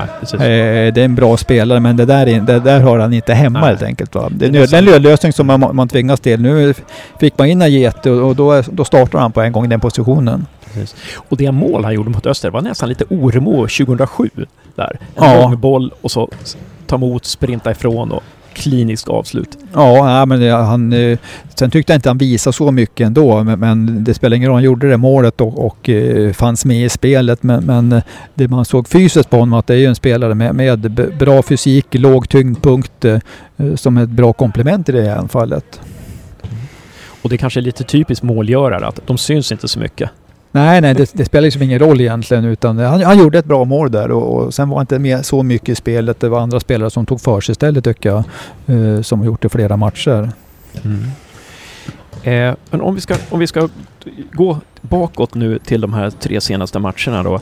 Eh, vi slog ju Gais först. Eh, den, den, den matchen har vi redan snackat om i podden så vi behöver inte prata om så mycket. Men det var ju en ganska viktig seger för vi fick en sista minuten seger. Vi tog en tre poäng, poänger för första gången sedan Trelleborg borta. Sen, sen kom den här perioden med tre matcher på sex dagar och då mötte vi då Värnamo borta först. Då. Ett Värnamo som vi hade förlorat med, med 5-2 på Gavlevallen här. Och en, en match som på något vis nästan definierade och satte tonen för Thomas Anderssons ledarskap på något vis. Att de här otroliga eh, eh, vad ska jag säga, s- eh, vad ska jag säga, eh, kollapserna som, som blev då och då. Var det 5-0 i paus? 4-0 i paus. 4-0 i paus, Ja. 5 sen i, i andra. Ja, okej. precis. Eh, såg du den? Han du se den under din semester? Värnamo 2-2 borta Ja, den, den såg jag. Den Ja. såg jag. Och det var, ju, det var ju den andra matchen då som Diego Montiel och eh, Gutierrez, Juan Gutierrez eh, och eh, vad heter han nu då? Anton eh, Kralj, Kralj. startade. Eh, någonting du vill säga om den matchen Stisse? Nej, det var väl att, att GIF lyckas komma tillbaka två gånger. Eh, om jag kommer rätt så åkte man på ett, ett, ett, tidigt baklängesmål där. Det kommer ikapp och sen åker man på ett nytt i, i andra halvlek var det va? Men, men forcerar in det här målet. Eh, är det Hymmet som gör det? Hur var det då? Jo, Hymmet va? Yes. Ja, precis. Ja, Hymmet gjorde på en Hjälte kom in där i straffområdet och Hymmet stack fram foten. Jag tror inte stack fram gipset istället men foten var det i alla fall. Ja, precis. Ja, det, det, det var Också sånt där som Mm. ger en, en, en kick, en boost i självförtroende. Att man kommer tillbaka och tar poäng mot ett, mot ett eh, bra lag. tycker framförallt de här senaste fyra matcherna så har vi varit det bättre laget varenda match. Eh, mot Värnamo, Värnamo borde vi egentligen ha slagit. Med tanke på hur mycket chanser vi hade. Men att vi fick med oss en poäng där i slutet, det var ju ändå väldigt värdefullt. Fast de hade ju bud på mer efter 2-2. Så att det var, en bra, det var ju bra att de fick in ett mål i slutet fast det var ju synd att de inte fick den där trean också. För de har Hem, på hemmaplan har det gått enklare, har det gått bättre att få de här tröjorna nu på slutet än vad det har gått på bortaplan. Ja. Då har det oftast stått stopp. Precis. Ehm, det här Värnamo där eh, var ju också märklig andra halvlek. Jag tror Gävle hade ett eller om det var noll skott på mål i första halvlek och hade tror jag 11 eller 13 skott på mål i andra halvlek. Det var någon fruktansvärd förbättring. Ehm, och där... eh, Och det, det är någonting också med det här Gävle, att vi blir bättre och bättre ju längre matcherna lider på något vis. Ja, alltså det är det som var jobbigt. eh, Man har, har åkt på en rad tunga, tunga förluster och aldrig kommit, kommit ur knipen egentligen. Man har aldrig haft energin och, och förmågan att, att jobba sig kappa. Det är det man har gjort den här gången också. Det är, det är, både, det är både fysiskt och det är taktiskt och det, det, är, det finns där i självförtroende att man, man vet att man kan faktiskt komma ikapp. Man kan faktiskt göra ett, ett eh, poänggivande mål eller segermål i, i slutet. Ja. Om man tänker på den här Värnamo-matchen, och man kan tänka på alla de här tre matcherna, så känns det som att Pojas bygge inte är riktigt klart. Det känns som att Poja haft sin försäsong. Nu börjar Pojas säsong, men han, det finns mycket mer att eh, förbättra sådär. Eh, är det någonting som du känner också, Stisse? Ja, alltså jag eh, känner att man egentligen håller på med, eh, med två olika säsonger. Dels den här säsongen där, där man har eh, lån, lånat in en rad spelare för att fylla, fylla positioner för att se till att stanna kvar i Superettan. Samtidigt så, så eh, bygger man ett lag för nästa säsong. Alltså, och, och, spelet ska säkert vara eh, identiskt va? men det är egentligen två olika lagbyggen som pågår samtidigt tycker jag. Det är, det, så är det ju ofta men man, man, man ser inte lika tydligt som nu eller? Mm. Ja, precis. Det, det, det, är det som är intressant, att, att man ser sådana otroliga förbättringar match för match. Där. Det som jag tyckte var intressant med Värnamo-matchen, det var ju också att Hjälte faktiskt spelade en hjälteroll. Eh, gjorde, var, var delaktig i, i, första målet. Annars har han kommit bort lite här under Pojas. Nu har han varit sjuk och skadad och så, men, men eh, vad tror du om det? Vad tror du om Hjältes position där? Eller vad tror ni om Hjältes position där? Är, är det han, passar inte han in i i det här? Har vi för många bra spelare nu eller hur? Vad säger du? Du först eller jag? Ja, kör på du Josef. Uh, alltså jag tycker Hjälte var bortkommen under Thomas också. Han har inte riktigt varit den här superspetsen. Eller här, han har ju varit den här talangen som folk har trott på och fått speltid. Man har inte riktigt, riktigt levererat. Inte som Belander gjorde där i slutet. Uh, uh, jag tror att han, att han hamnar ju längre och längre ifrån nu, startelvan. Och eh, inhoppen framförallt i och med att vi har vi spelar en 4-3-3-version och vi har tre, två riktigt bra strikers nu i Bayram och Hymmet. Så jag tror att Hjälte kom... Han har nog inte mycket mer att ge just nu i mm. A-laget. Mm. Vad tror Stisse? Ja, det är lite, lite synd som det är en, en jävlig kille. Nu vet jag, jag råkade träffa på honom när jag kom, att han, han har väl problem med, med baksidan av ett lår så att är fortfarande lite, lite hämmad av det. Eh, men det är också det här att det är ju det är inte lätt att eh, kliva fram och utvecklas i ett lag som går så fruktansvärt dåligt som i våras. Var ska man ta det självförtroendet ifrån? Och då, dessutom när, när det, det är stort enda som händer att du har två spelare som gör, gör mål, Hymmet och Oremo. Mm. Eh, och då är det svårt att komma in i den rollen. Och han, han är ju en fysiskt stark spelare med en bra taget player. Eh, men, men den rollen har inte funnits riktigt. Mm. Så att eh, eh jag, hopp, jag hoppas han kan vara det för att det, det behövs faktiskt ska jag säga, eh, spelare som är förankrade i Gävle i laget också. Mm. Och det, det, är väl då, det är som du säger att det, det är ett lag som går dåligt så är det inte så himla lätt liksom att göra sin, eh, sin, sin röst hörd.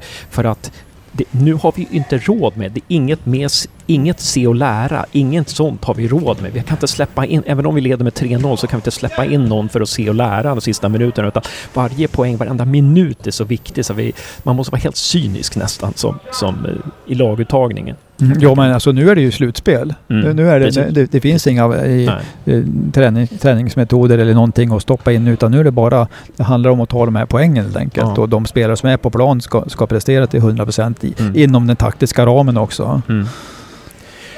Och sen så kommer vi då till Varbergsmatchen. Vi förlorade med 2-0 nere i Varberg och vi vinner med 2-0 otroligt övertygande här hemma. Eh, vad, vad, vad, vad säger ni om den? Några intryck från den matchen? Josef? Uh, Anders Fredriksson sa ju på Simon när han kommenterade matchen, han höll på att snacka om att det här är en riktig ödesmatch. Torskar Giften här så är de nästan borta. Då är det många poäng upp. Och eh, i och med den vinsten så har man börjat lyft, lyft sig rejält. Det var, det var lite krampaktig första halvlek då man inte kom till några riktiga anfall. Varberg backade hem väldigt långt och försökte gå på omställningar. Uh, och nu... Och sen när man fick, gjorde, gjorde den här taktiska manövern och gick ner på 4-4-2 in med Adam. Så fick man mycket mer... Alltså... Man, man fick man fick utdelning på sina chanser för en gångs skull. De, var inte, de hade inte så många chanser den matchen GIF och för en gångs skull gjorde de mål på dem också.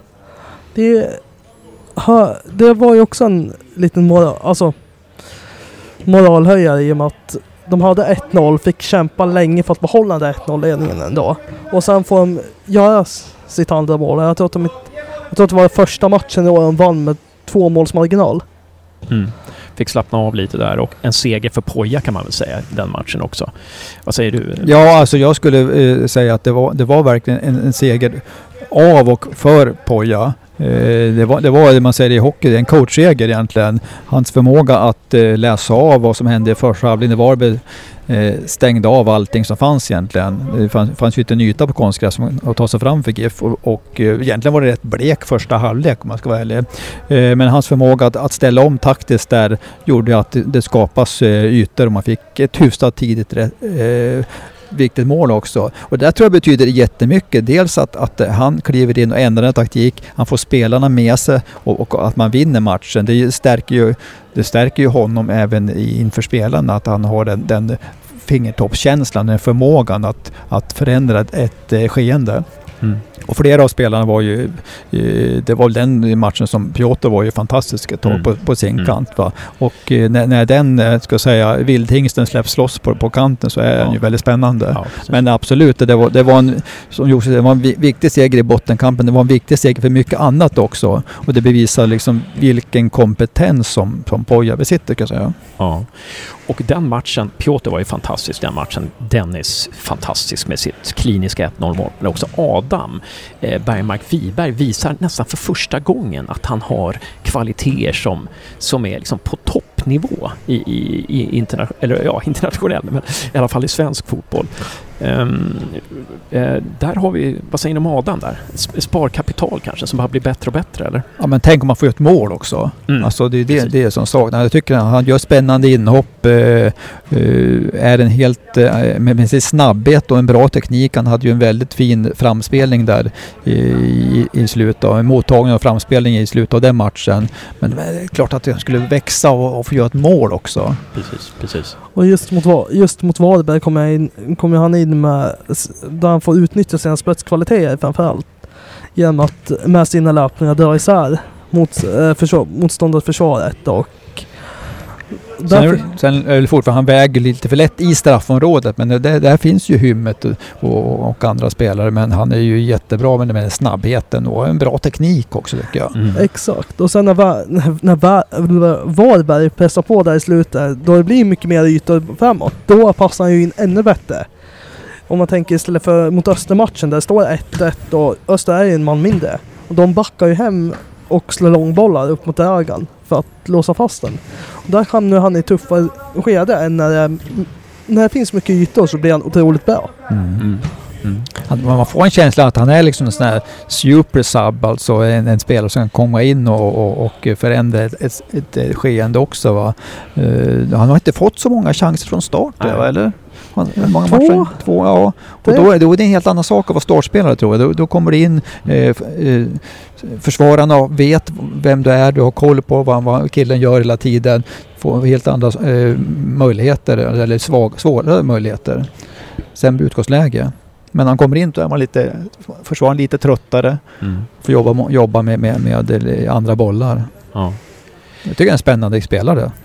Verkligen. Väldigt spännande spelare. Eh, och sen som ni nämnde, du har nämnt Diego Montiel, eh, Stisse, och eh, det är ju också fantastiskt med de här Gutierrez och Montiel och Kralj som, som, som är så eh, påhittiga på mittfältet och kan göra en massa saker. Vi får inte glömma Montiels framspelning till eh, vi ska se vem det var, om det var Piotr inför, inför 1-0 målet här mm. mot Varberg. Det var alltså Diego Montiel som vände och vred på mittfältet och slår en 30 meters passning till Piotr som fintar backen och får iväg den till hymmet där. Så det har ju verkligen kvaliteter. Eh, sen så kom ju Östermatchen då, som spelades nu i lördags. Eh, och vi var det enda laget i serien som hade spelat sex, eh, tre matcher på sex dagar. Och Poja sa efteråt där att vi var lite för trötta mentalt. Vi kunde inte utnyttja liksom det spelövertag, eller det övertag som, som um, ja, det innebar att få spela med en man mer där. Um, håller ni med där? Tror ni, att, tror ni på den förklaringen? Att det är det?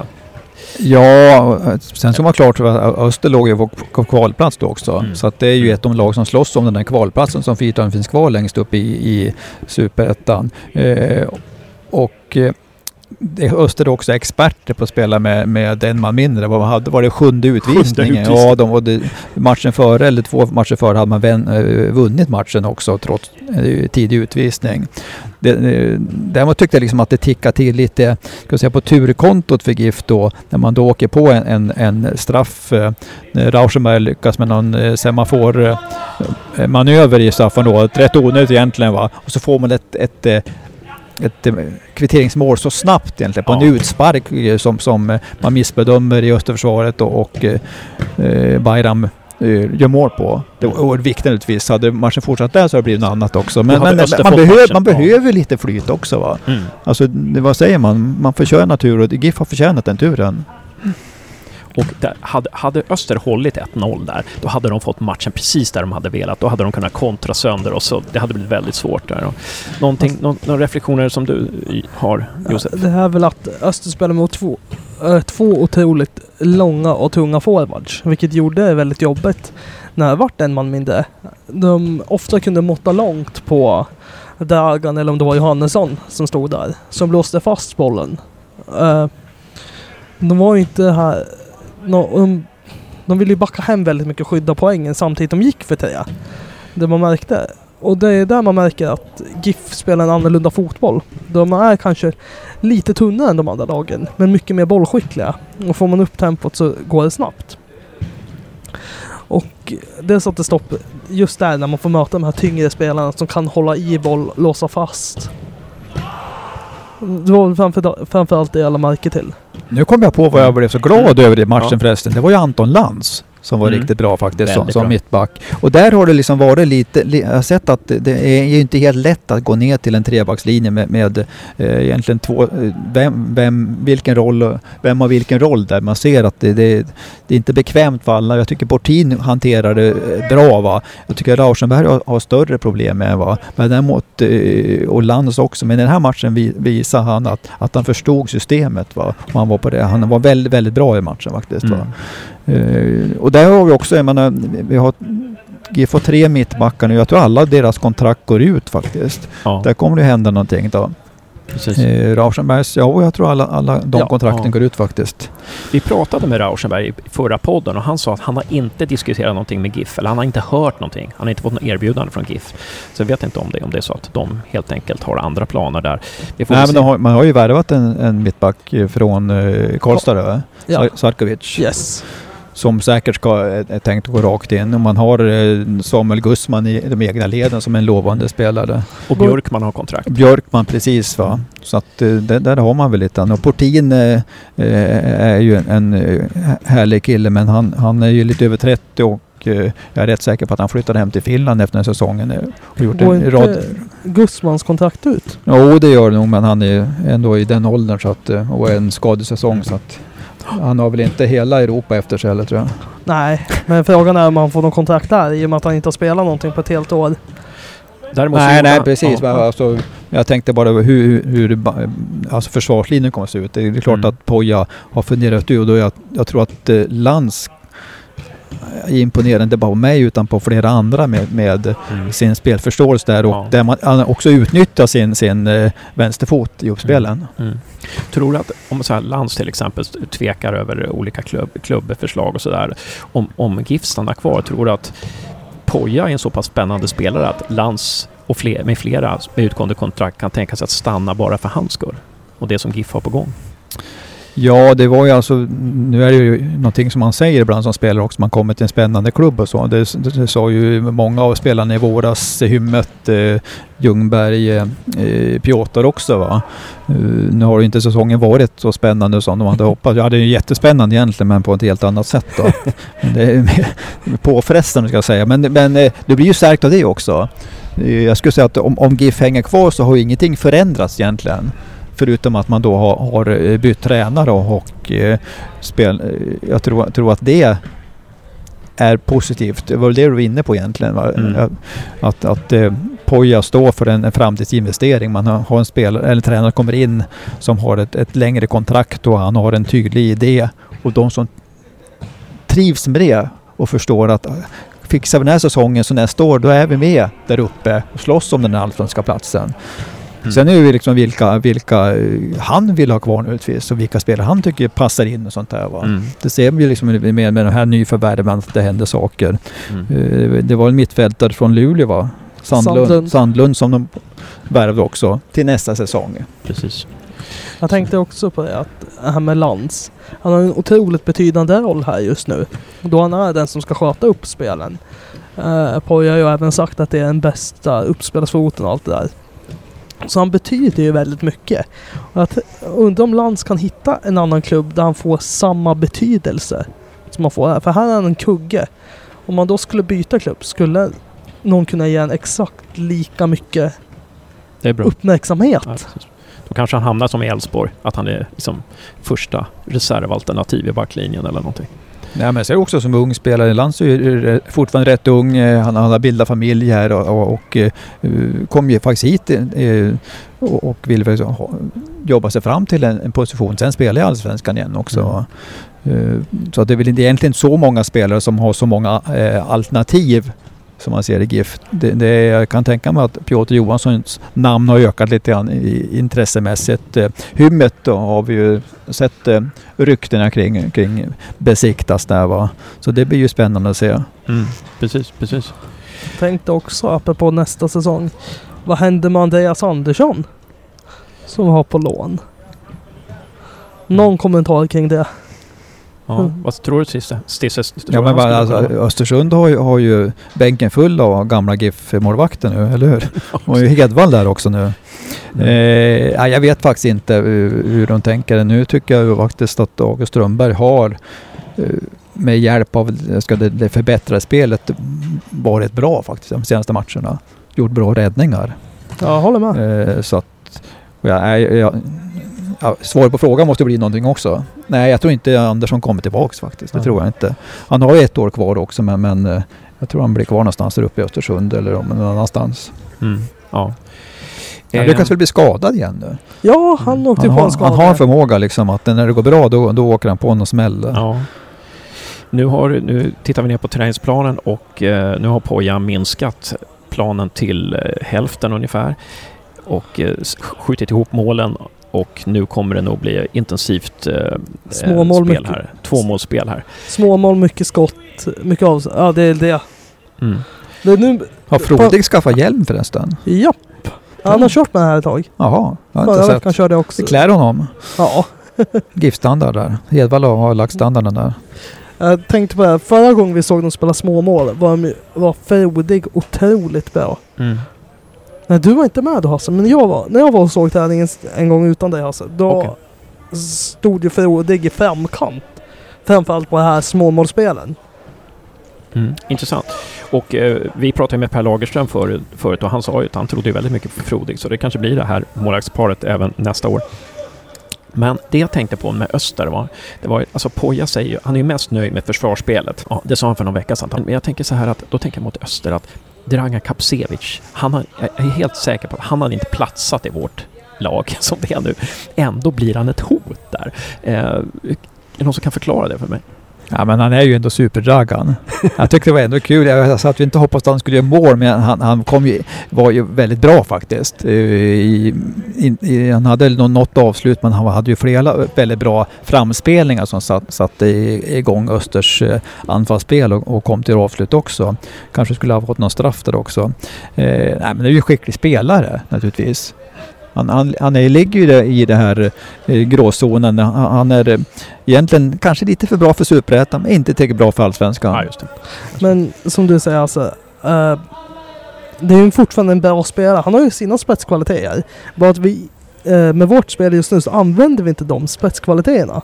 Vi, så därför skulle Dragan inte gå in i vårt lag. Han är en jättebra spelare, han är en bra target, men han är lite för seg för att spela den här snabba, fot- den här snabba fotbollen som Poja spelar. Mm. Det är därför han är ett hot mot oss. För att Öster spelar på ett annat sätt. Mm. Ja, intressant. Då ser vi framåt lite då. Eh, de har inte börjat tvåmålsspelet riktigt här än. Var, jag ska bara säga att i det här tvåmålsspelet förra veckan, då så satte Bayram Ajeti ett skott upp i krysset. Jag tror det var hans första prestation. Och alla spelarna bara stannade upp och bara sa ”Wow!” det, har jag, det har jag nog aldrig upp, Det gäller att upplevt presenteras riktigt också. Vad sa du? Mitt namn är Bayram. ja, precis.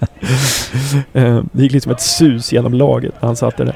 Ehm, ehm, och samtidigt som August, August Strömberg gör en kanonräddning på ett närskott här så Eh, bara, om vi tittar framåt här nu då. Eh, två saker. Dels Trelleborg. Trelleborg är det mest formstarka laget i eh, Superettan just nu. De slog Norrby igår med 5-1. Eh, Tack och lov, eller hur? Ja, kanske det. Ja, Ja, det var ju bra. Det var ju bra för oss att, att Norrby... Men hur, vad har vi för chanser mot Trelleborg som du ser det, Stisse? Nej, med tanke på den utveckling som varit nu så är det klart att man har eh, bra chanser. Nu är det ju så att Trelleborg spelar ju för den här kvalplatsen. De, är, de, de, de kommer hit för att ta tre poäng. Det är för att det är så tätt. Det är Trelleborg, det är Helsingborg, det är, det är Öster och det är även Falkenberg. Det var, eh, så att det, är- det är ju starka, eller stora möjligheter för GIF.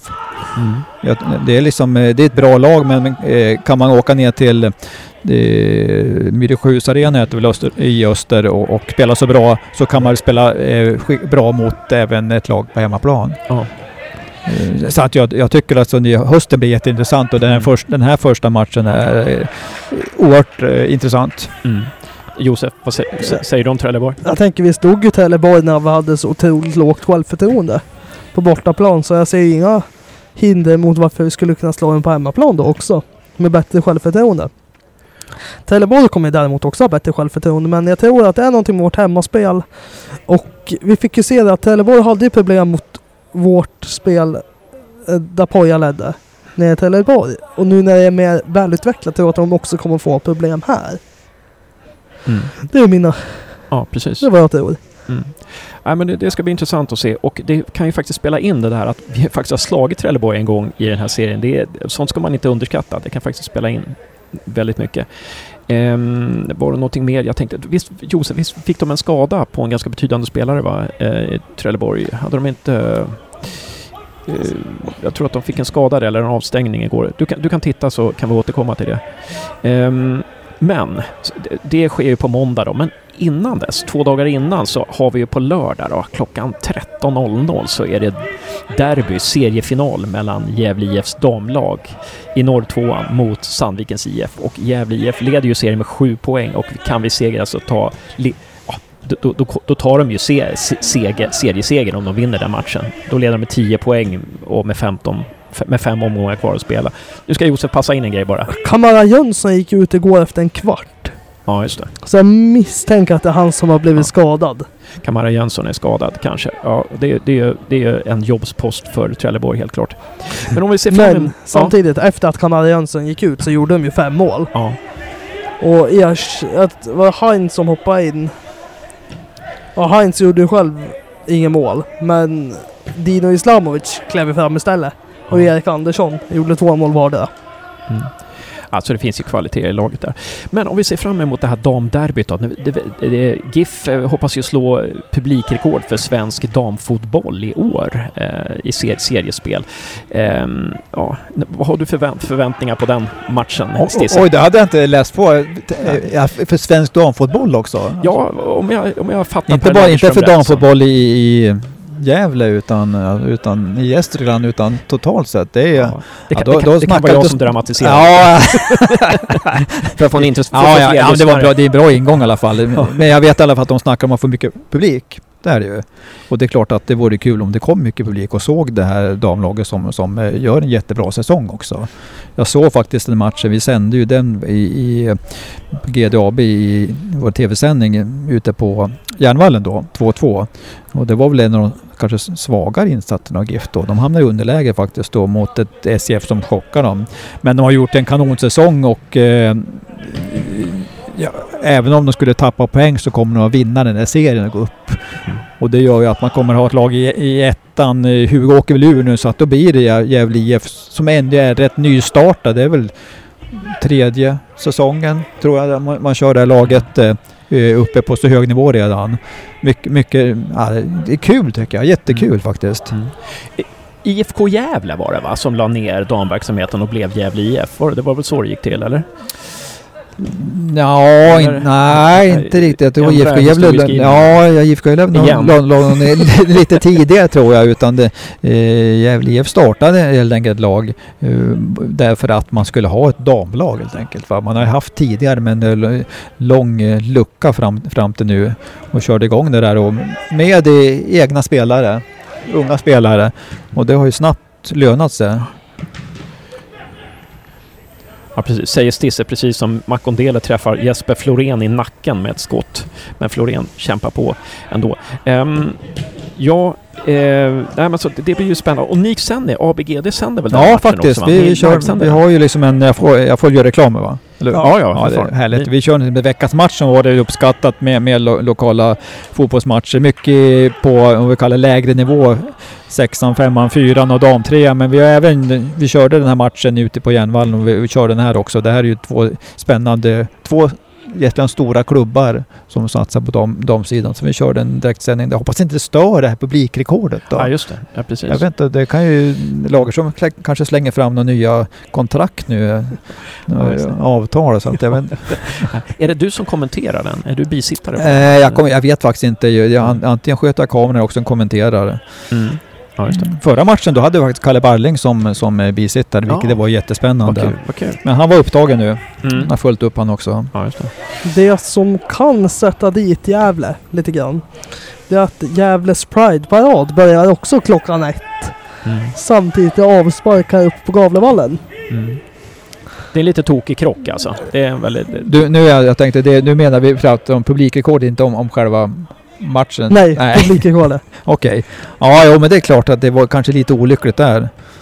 Uh, man kanske kan börja paraden här uppe i så fall. Men jag tror den börjar i, på Brynäs faktiskt. Ja, Stenbergsparken. Ja, så var det ja.